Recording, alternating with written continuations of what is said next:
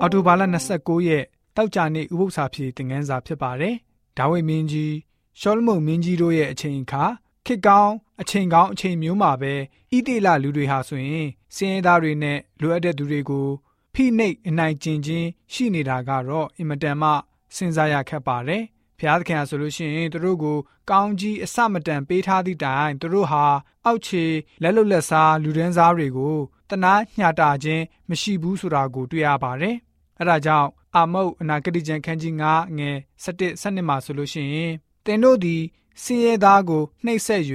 ဂျုံစပားကိုတောင်းခံတတ်သောကြောင့်စစ်သောကြောင့်နှင့်တိုက်ကိုတီတော်လဲထိုတိုက်၌မနေရကြ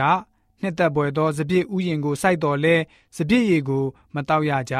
တင်တို့အထက်ထက်လွန်ကျူးသောဒုစရိုက်အလွန်လေးသောအပြစ်တို့ကိုငါသိ၏ဖြောင်းမတ်သောသူကို နှောက်ယှက်တတ်ကြ၏တစိုးစားတတ်ကြ၏ဆင်းရဲသားကိုတကားဝတွင် မတရားသဖြင့်စီရင်တတ်ကြ၏ဆိုပြီးတော့တွေ့ရပါတယ်ဆက်လက်ပြီးတော့ဟေရှာယအနာဂတိကျမ်းခန်းကြီး3အငယ်14မှာဆိုလို့ရှိရင်လည်းပဲထာဝရဘုရားသည်မိမိလူတို့တွင် အသက်ကြီးသူတို့ကို၎င်းမင်းတို့ကို၎င်းတရားစီရင်ရာ၌စီးကြတော်မူမည်။တင်တို့သည်ငါဥယျာဉ်တော်ကိုစားကြပြီ။စင်သောသူတို့၏ဥစ္စာကိုလူယူ၍